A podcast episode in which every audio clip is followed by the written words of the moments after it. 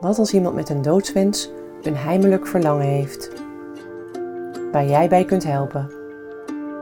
Dit is de serie Niet Zozeer.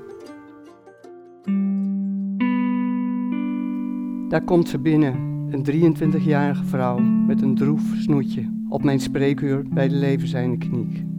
Dit is Gertie, psychiater. Ze heeft een doodswens. Ze ziet het helemaal niet meer zitten. Ze zit in de schuldhulpverlening, een ellendig leven achter de rug en al acht jaar in therapie. Ja, ik kan niks meer, ik kan geen kant meer op. Ik overleg met haar behandelaar en vraag wat nog de mogelijkheden zijn. Nee, zij ziet ook niet zoveel meer.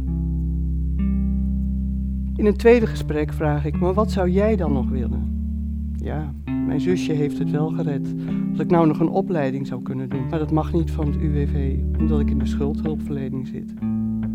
Ik zei, maar als ik nou voor jou ga proberen om dat wel te regelen, zou je het dan willen aanpakken?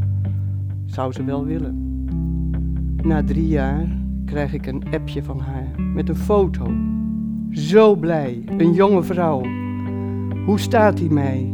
Een juichend mens met een diploma in de zorg en vol levenslust gaat ze het leven weer tegemoet.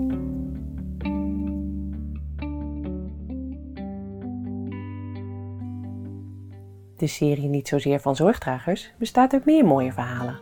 Ben je nieuwsgierig? Volg ons via social media en de nieuwsbrief. Kijk voor meer informatie op zorgdragers.nl. Niet Zozeer is een co-productie van Zorgdragers, Stefan van Wieringen, Buitenzinnen, Sier en Nathan van der Veer en is auteursrechtelijk beschermd.